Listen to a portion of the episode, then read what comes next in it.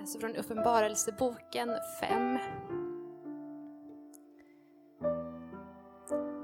Och jag såg i högra handen på honom som satt på tronen en bokrulle med skrift på både framsidan och baksidan och förseglad med sju sigill. Och jag såg en väldig ängel som ropade ut med hög röst. Vem är värdig att öppna boken och bryta sigillen? Men ingen i himmelen eller på jorden eller under jorden kunde öppna boken och se i den. Och jag grät häftigt över att det inte fanns någon som var värdig att öppna boken och se i den. Men en av de äldste sa till mig, gråt inte. Se, han har segrat, lejonet av Judas stam, skottet från Davids rot. Han kan öppna boken med dess sju sigill. Och jag såg att mitt för tronen och de fyra varelserna och mitt för de äldste stod ett lamm och det såg ut att ha blivit slaktat. Det hade sju horn och sju ögon, som är Guds sju andar som har sänts ut över hela jorden. Det gick fram och tog boken ur högra handen på honom som satt på tronen. Och när de tog boken, då föll de fyra varelserna och de tjugofyra äldste ner inför lammet, var och en med en harpa och en guldskål fylld med rökelse, som är de heligas böner. Och de sjöng en ny sång. Du är värdig att ta boken och bryta dess sigill. Ty du har blivit slaktad och med ditt blod har du friköpt åt Gud människor av alla stammar och språk och länder och folk.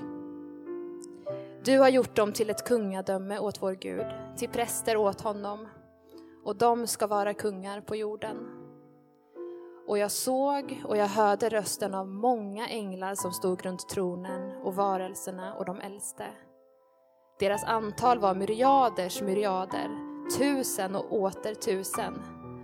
Och de sa med hög röst, Lammet som blev slaktat är värdigt att ta emot makten och få rikedom och vishet och styrka och ära och härlighet och lovsång.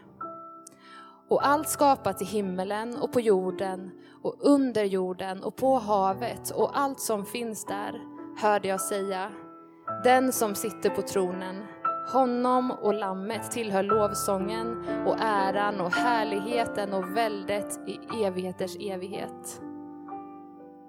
Och de fyra varelserna sa Amen och de äldste föll ner och tillbad.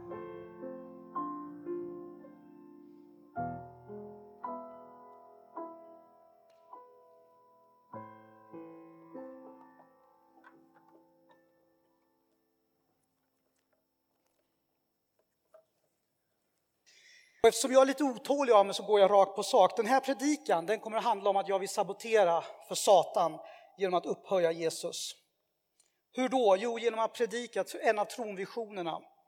Och tronvisionerna i Uppenbarelseboken, när man får se tronen, när man får Kristus i sitt majestät, de är ju till för att göra någonting med oss. Alltså det fanns tronvision då, för Johannes, men vi behöver dem idag. Vi behöver tronvisioner, därför de gör någonting med oss. Och jag brukar säga att det finns någonting som är värre än att vara ateist. Och det är att tro på en liten Kristus. Otrons strategi det är ju nämligen att klä av Kristus all sin härlighet.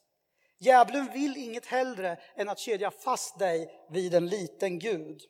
En liten Gud som är ängslig och så ständigt kollar om vi tänker fel, om vi dricker för mycket folköl eller om vi liksom inte riktigt kan hålla uppe fasaderna. Den guden vill Satan kedja fast dig vid. Som inte egentligen förmår rädda, som är klen, som bara är stark när du är stark, som bara levererar när du kan leverera. De små gudarna finns i frikyrkorna och de små gudarna har Satan sänt in i våra gemenskaper för att rikta vår tillbedjan fel. Och vad är då rätt tillbedjan? Jo, det är den som börjar i tacksamhet vid tronen över hur stor Kristus är. Det är rätt tillbedjan och det är den som räddar oss. De små gudarna de vill göra dig och mig till människor som jagar luft och brinner för skit. Det är vad de små gudarna vill göra. Men den högste guden som regerar totalt vill vända våra perspektiv så att vi kan tjäna honom med tacksamhet genom hela livet, alla omständigheter, alla faser, alla kontinenter, överallt, genom allt, i allt. Så Uppenbarelseboken är ett bra ställe att vara på när vi vrider perspektiven rätt. I kapitel 1, vi ska ta kapitel 5, men i kapitel 1 så börjar ju faktiskt med att Johannes får möta Kristus som så här enormt stor. Och i vers 17 i kapitel 1, när Johannes möter den uppståndne Kristus och faller som död ner, då står det att Jesus säger till honom, var inte rädd. För tronvisionen driver bort rädslan genom att visa oss vem som verkligen är stor. Kristus är den som har segrat och det betyder att vår tillbedjan ligger ju i hjärtat av vår tillbedjan ligger tacksamhet över hur stor Kristus är. Och därför blir jag alltid själv lite störd eller tycker det är jobbigt när man hör människor som i församlingar och i olika typer av kristna medier och i debatter, man hela tiden håller på att relativisera Kristi storhet, problematisera folk som ger sig hän åt en stor Gud. Det finns inget problem med det. Det är lösningen. Jesus är stor, han har segrat. Däremot kan vi gå igenom tvivel, livet blev inte som vi har tänkt. Men då behöver vi inte en liten Jesus som är avklädd all sin härlighet. Vi behöver en stor Kristus som förmår rädda oss, som förmår föra oss fram, som förmår plocka oss upp, som förmår hela oss och leda oss på rätta vägar. Så det är det jag är här för, att försöka bara utmana alla små gudar, allt småaktigt som kan smyga sig in i vår tro genom att vi får rikta vår blick på visionen vid tronen, hur stor Kristus är. Så det första vi ska titta på nu det är kapitel 5, vers 5 där det faktiskt står att Johannes gråter. Johannes tårar. I Uppenbarelseboken kapitel 5, så när scenen så att säga börjar, den här trovisionen startar, så får vi veta att Johannes ser en bokrulle som ingen är värdig att öppna. Och så står det så att han gråter häftigt. Han är förkrossad. Och låt mig börja med att säga att jag tror att det är dumt att försöka föreställa sig tillbedjan utan tårar.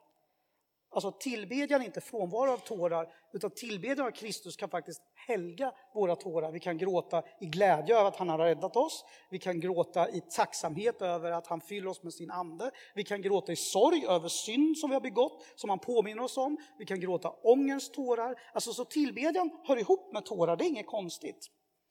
Johannes, när han gråter häftigt, så säger Kristus till honom, eller en av de äldste säger till honom, förlåt, gråt inte, alltså sluta gråt.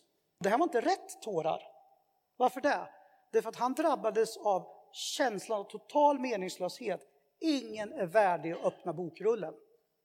Alltså I det här sammanhanget så betyder det att historien är på väg mot ett mål och i bokrullen så står det Guds rådslut för allt skapat, alla människor. Bokrullen är symbolen för hela Guds rådslut, allt vad Gud vill. Och ingen är värdig att öppna den och Johannes blir helt förstörd och gråter ut och säger det är meningslöst, hur ska det gå? Och då är svaret, gråt inte.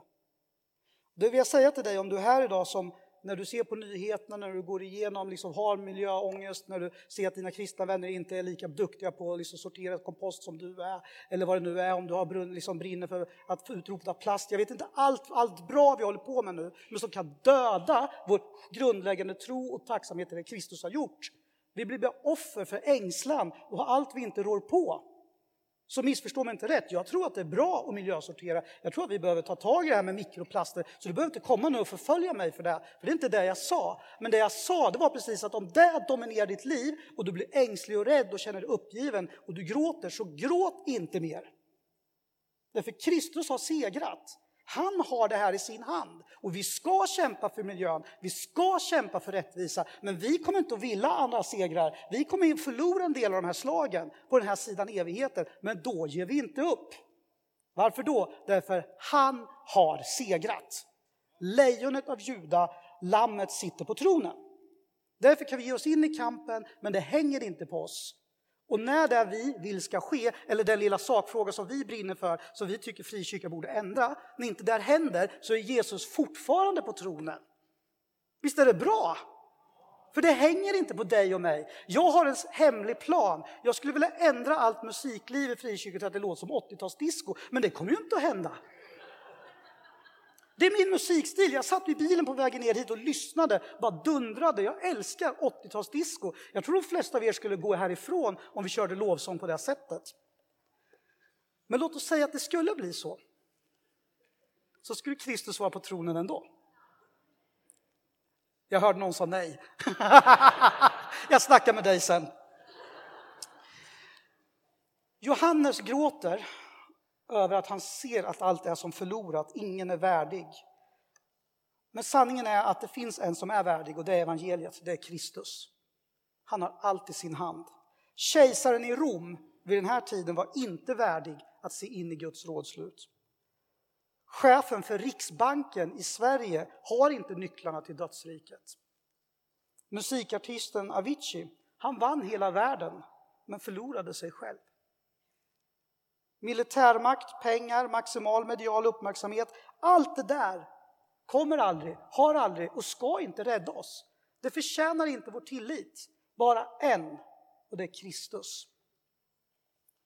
Så när vi gråter hopplöshetens tårar så vill Kristus trösta oss och säga jag har segrat, du behöver inte gråta mer. Däremot så innehåller tron och tillbedjan tårar över vår synd, glädjetårar, olika typer av tårar, men inte hopplöshetens. Så det var vers 5. Jag ska nu säga någonting som också dyker upp i den här tronvisionen, nämligen vid tronen så avslöjas trons natur. Alltså vid tronen så avslöjas trons natur. Vi får se lite av sånt som vad faktiskt tron handlar om. Undervisning om tro helt enkelt. Så titta med mig igen i vers 5. Det står se, han har segrat. Trons logik, alltså ni vet logik bygger på premisser, alltså man har en premiss och sen så drar man slutsatser utifrån den. Det betyder att en del saker som är logiska kan ju vara fel. Alltså, det behöver inte vara sant, men det kan ändå vara logiskt. Eh, och trons premiss här, det är att han har segrat. Alltså när vi ska dra slutsatser om vårt liv, när vi ska hantera det vi möter, så är det från utgångspunkten att han har segrat. Trons utgångspunkt, premiss, är att Kristus sitter på tronen, men han är både lejon och lamm.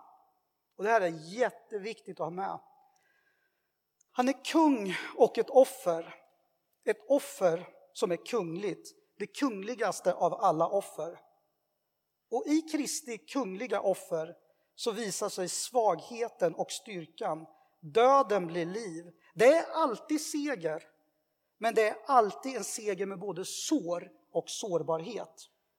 Vilket betyder att när vi frimodigt säger att Kristus har segrat betyder det inte att du och jag måste bete oss eller verka vara supermänniskor.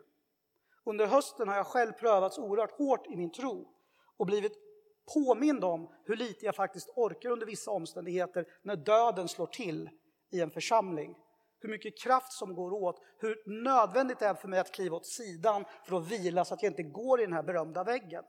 Jag vet det. Men det betyder inte att inte Kristus har segrat. Det betyder bara att jag inte orkar allt. Och när du inte orkar allt så betyder inte det att Kristus inte sitter på tronen, därför det är alltid seger ni som har varit med länge tänker ”Åh, han är Ulf Ekman och det är jag inte. Han har gått till katolska kyrkan men jag är kvar. Och jag säger som jag alltid har sagt, det är seger. Varför det? Därför det står i Guds ord. Det kommer alltid vara seger för Kristus har segrat. Och det är alltså utgångspunkten i tron. Men det är inte en seger som är tänkt att göra dig och mig till andliga supermänniskor. Utan Kristus, alltså trons logik är att han är både lamm och lejon. Och det kan finnas i ditt och mitt liv också. När vi tar oss an kampen i den här världen, när vi fortsätter trons kamp, så gör vi det inte som andliga supermänniskor. Vi kan också känna av svagheten, brist, brustenheten, lidandet. Det kan göra något med oss. En tro utan empati är ju väldigt märklig.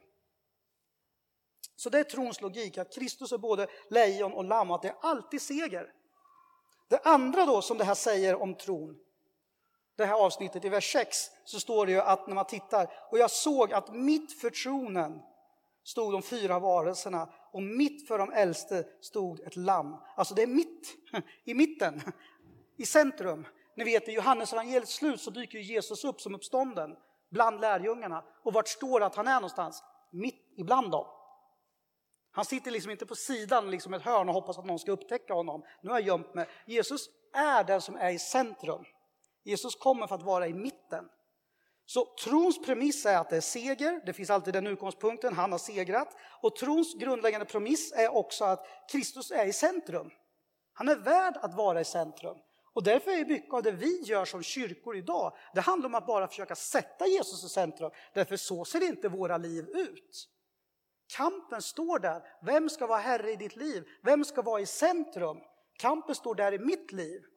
Nu är jag snart 50, jag börjar, liksom, börjar stretcha mer, liksom, eh, höfterna börjar säga ifrån när man var ute och sprungit. Jag går upp ibland och pinkar två gånger om natten. Liksom, det, saker kickar in, jag har fått så här, rumsprogressiva glasögon. Och jag är liksom, så här, lite kronologiskt störd över att vissa saker börjar hända. Jag är inte 16 längre.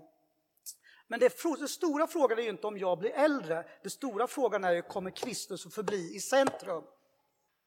Det gäller dig och det gäller mig, det gäller våra församlingar, det gäller de olika faserna vi går igenom. Den stora frågan är inte om saker förändras. Den stora frågan är, är och förblir Kristus i centrum av mitt liv? Av vad jag vill göra, och vad jag brinner för och vad jag lever för. Kommer de att märka det eller kommer det inte att synas? Men det är trons logik, att det är centrum, tron är i centrum, mitt i mitten. Och trons väg, för det tredje, det står ju att i mitten, i centrum, när jag ser det här lammet så är det ett som har blivit slaktat. Och det är väldigt viktigt att se det, att tron alltid kombinerar härlighet med lidande. Du kan inte ta bort lidande. Vi brukar ibland prata om lidande som ett problem, vilket det är när man går igenom det. Men i grunden så har genom tron så har lidandet blivit transformerat. Vi kan till och med vara stolta över våra lidande, säger aposteln Paulus i Romarbrevet. Jag är stolt över mina lidande, säger jag, för jag vet att de här lidanden gör något med mig. Det vill säga att de behöver inte gå meningslöshetens ärende. Så är du i en period och du lider nu, du kämpar eller du ser andra som lider och du känner att din tro håller på att ta slut eller lider skeppsbrott på grund av lidande som du möter och ser, så vill jag säga till dig den här förmiddagen, du behöver inte bli så. Därför lidandet kan vittna om Guds härlighet. Och vi ser det ytterst på korset när Jesus dör. Hur Gud uppenbarar sin härlighet i ett lidande. Och Det är alltså mönstret för tron, det är en del av vår logik. Precis som trons logik är att det alltid är seger, att Jesus ska vara i centrum, så är trons logik också att all tillbedjan hör någonstans ihop med lidande. Om vi tillber Kristus frimodigt, om han är i centrum, så kommer det på olika sätt att göra att vi möter lidande. Och jag brukar skoja om det ibland, att jag fick ju mer problem efter jag blev kristen än innan jag blev kristen. Dagen efter jag hade tagit emot Jesus så går jag upp på morgonen till min pappa och säger jag har blivit kristen. Och han blir skogstokig, han tror att jag blivit med i en sekt och liksom Jehovas vittne, så han blir galen. Eh, han vägrar vara med på dopet när jag döper mig, för han liksom tänker det här har blivit, Mikael har fått en total snurr, han bara vägrar. Samma morgon när jag blev kristen, då ringde jag till min dåvarande flickvän och sa hej, jag har blivit kristen. Och då säger hon, betyder det att du älskar Jesus mer än mig? Och jag hade ju inte varit kristen så länge, jag visste ju inte så mycket här, vi pratar timmar nu. Men jag var lite så teolog i varandet, så jag bara, ja, kan, ja det borde det göra, säger jag. Hon bara, då är det slut. Så bara, det var två, liksom, farsan, så var det flickvännen. Sen fick jag för mig av någon oklar anledning att jag skulle gå över till grannen och berätta att jag blivit kristen, för jag tänkte det borde man kunna göra. Jag vet inte, så här, ja. Det var det att min granne var ju en av professorerna på, Uppsala, äh, på Örebro universitet här. Så, så jag kom in och sätter mig i hans arbetsrum och säger hej, jag har blivit kristen. Jag vill bara berätta det så du vet liksom, om det händer grejer. Så jag har blivit kristen. Uh, och, då, och då säger han så här, men kan du svara på en fråga? Och det är ju en fälla, jag fattar ju ingenting. Han bara, ja, om Bibeln är Guds ord och sann, hur kommer det sig att kristna tolkar den så olika?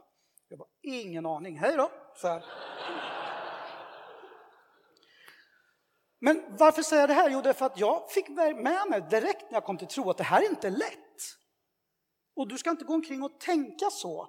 Bara för att du har en tro så ska det vara lätt. Utan vi behöver vara beredda på att det kan innebära lidanden av olika slag. Och vi möter sånt som beror på att vi tror. Vår tro prövas på grund av att den är så värdefull. Därför om vi lever med Kristus i centrum, om vi utgår från att det alltid är seger, då hatar ju Satan det. Och då skickar han alla små gudar, alla taffliga försök för att ta bort det. Men när vi lever med snoken i boken så vet vi det. Och kan bemöta det på rätt sätt. Inte genom att sura över att vad någon annan kristen har skrivit på något socialt medieforum. Utan vi går in i bön, vi håller fast vid ordet, vi stöttar varandra för att leva trovärdigt, fromt, gudfruktigt i den här världen. Det är ett bra sätt att möta det. Det sista nu som det här säger om trons logik, det är vers 9 kapitel 5. Det står att de sjöng en ny sång. Här finns trons förnyelse, att det var en ny sång som bröt fram. Och genom hela kyrkans historia har det brutit fram nya sånger. Jag tänker mig att det egentligen är helt nödvändigt för tron att den alltid föder ny sång. Så förnyelse när det gäller musikliv, olika sätt att uttrycka tron är en självklarhet och hela kyrkans historia vittnar om hur det här har sett ut i olika tider.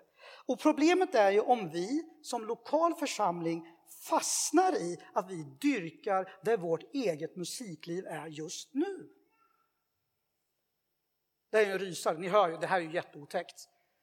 Därför musiklivet i en församling är till för att uttrycka tillbedjan och det kommer komma nya sånger, det kommer komma nya sätt. Alltså jag, alltså jag är själv stekt här för jag gillar 80-talsdisco. Det, är alltså alltså det, det, är klart man kan ta in det men det är inte, alltså Gud gör ju också något nytt. Och på samma sätt som vi har en historisk kontinuitet i vårt gudstjänstliv, vårt uttryck av tillbedjan, vilket vi ska vaka över, så behöver vi också godta och leva ut det nya som Gud faktiskt gör. Han sjöng en ny sång. Inför tronen sjöng man en ny sång. Och min bön är att inte församlingen Philadelphia kyrkan ska dyrka sitt eget musikliv, utan se hur det får födas någonting nytt.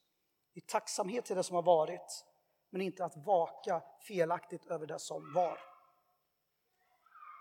Och det här säger jag också till vår församling, för Mötesplatsen är en församling med väldigt mycket lovsång och tillbedjan. Och vi lever ju med en enorm liksom, eh, fokus på det som just kristen gemenskap. Och just därför så kan man inte dyrka det. Man måste ha en viss distans till det, för Gud kan göra något annat. Så jag går in för landning nu. I det här avsnittet som jag läst i Uppenbarelseboken 5 har vi dels sett på Johannes tårar, lite olika aspekter av trons logik, vad som faktiskt premisser för vår tro. Och vi ser nu också här på Kristi härlighet. Jag sa det inledningsvis att otrons strategi är alltid att klä av Kristus härligheten. Göra Jesus till en liten gud bland alla andra gudar. Men i Uppenbarelseboken så får vi hjälp av det stora perspektivet. Så här stor är Kristus. Vi blir påminda om det mest väsentliga. Och då är det så här att i vers 9 så står det, när de sjunger, du är värdig. Och vi säger därför som kyrka, Kristus är värdig. Det finns ingen annan som har den värdigheten. Och det här är ett ord som vi har tappat nästan. Särskilt för när det gäller ålderdom. Alltså väldigt många idag är ju liksom rädda för att bli äldre och jag skojar lite om det innan. Och förr i tiden och i andra kulturer så värderar man ju högt människor som har blivit äldre. Alltså det finns en värdighet där och man ser upp till dem, man respekterar dem, man ger dem liksom den respekt de förtjänar. Och vi tänker att alla ska vara som 18-åringar som bara springer omkring överallt och liksom bara eh, så här. Eh, och det är inget fel att vara 18, men problemet är när du har en hel kultur som dyrkar ungdomlighet. Och i det här med värdighet ligger ju också att man ser ordningar. Kristus som är högst, och så finns det andra som har gått före. Och det är därför för mig är det så viktigt att hedra dem som har betytt mycket för mig. För jag står under människor som har värdighet över mig, därför de har gått längre, de har hållit ut. Och eh, nu bara här idag när jag kom till kyrkan och vi bad innan så sitter ju Mikael Tellbo och Ingrid Cesar här. Det är mina ungdomspastorer, så jag var här. Och jag, med, jag vill, jag vill liksom ära er för det ni gjorde för mig. Ni är en del av det jag sa innan. Jag skulle inte göra det jag gör om det inte vore för Mikael och Ingrid. Och Öyvind som var pastor då. Du som förde ihop mig och Agneta så vi gifte oss. Jag, menar, jag kommer alltid tala gott om er, jag kommer att värdera er, jag kommer att hedra er därför ni har gjort något som är helt outplånligt i mitt liv. Och när ni blir äldre så slutar ju inte det vara viktigt utan det blir bara ännu vackrare. Varje gång jag möter dig Öyvind så ser jag hur du strålar av Kristus och vet vad du har betytt för så många. Så värdighet hör ihop med Kristusdyrkan. Att vi kan liksom, höja upp och ära honom, säga att han är värdig, men att vi också kan säga runt omkring oss om andra i tron som har gått före. Du har en värdighet som jag beundrar och respekterar.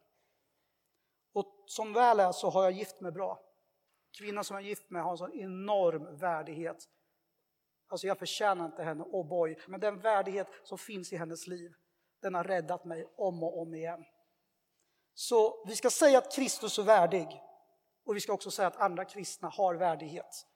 Det bygger uppmuntran, det bygger stabilitet och vi kommer ur det här tjafset av alla bara springer omkring och ska vara 18 och vara lite coola så här. Så säger också det här ordet, du har blivit slaktad. Alltså Kristi härlighet hör ihop med offer. Kristus är värdig och Kristi härlighet hör också ihop med offer. Kristus har dött för alla. Han blev slaktad. Och Det betyder ju också att en del värdighet som vi ännu inte ser, den beror ju på att vi inte har varit beredda att offra saker för tron. Men det kommer att komma tider i ditt och mitt liv där vi ställs inför val att offra saker. Och när vi gör det, håller ut, så kommer han att ge oss mer av sin värdighet. Och då kommer hans härlighet att lysa igenom i våra liv, därför vi betalar priset. Du har aldrig blivit prövad i tron om du inte har blivit prövad i tron och håller ut. Den som har hållit ut vet vad det är att bli prövad. Kristus höll ut, blev slaktad och därför fick han härligheten. Därför är han värd att upphöjas. Han har dött för alla och därför behöver du och jag vara beredda på att också prövas i tron, hålla ut, därför att där finns härlighet. Och till sist, Kristus har all makten. I vers 12 så säger de att du är värdig att ta emot makten. Och den här makten, den använder han för att hela, upprätta, befria. För att vända det som är fel rätt. För att bryta det som ska brytas. För att riva ner murar som ska rivas ner. För att hela det som ska helas. Och med den väldigheten, med den härligheten och makten verkar han den här förmiddagen i Philadelphia kyrkan Örebro.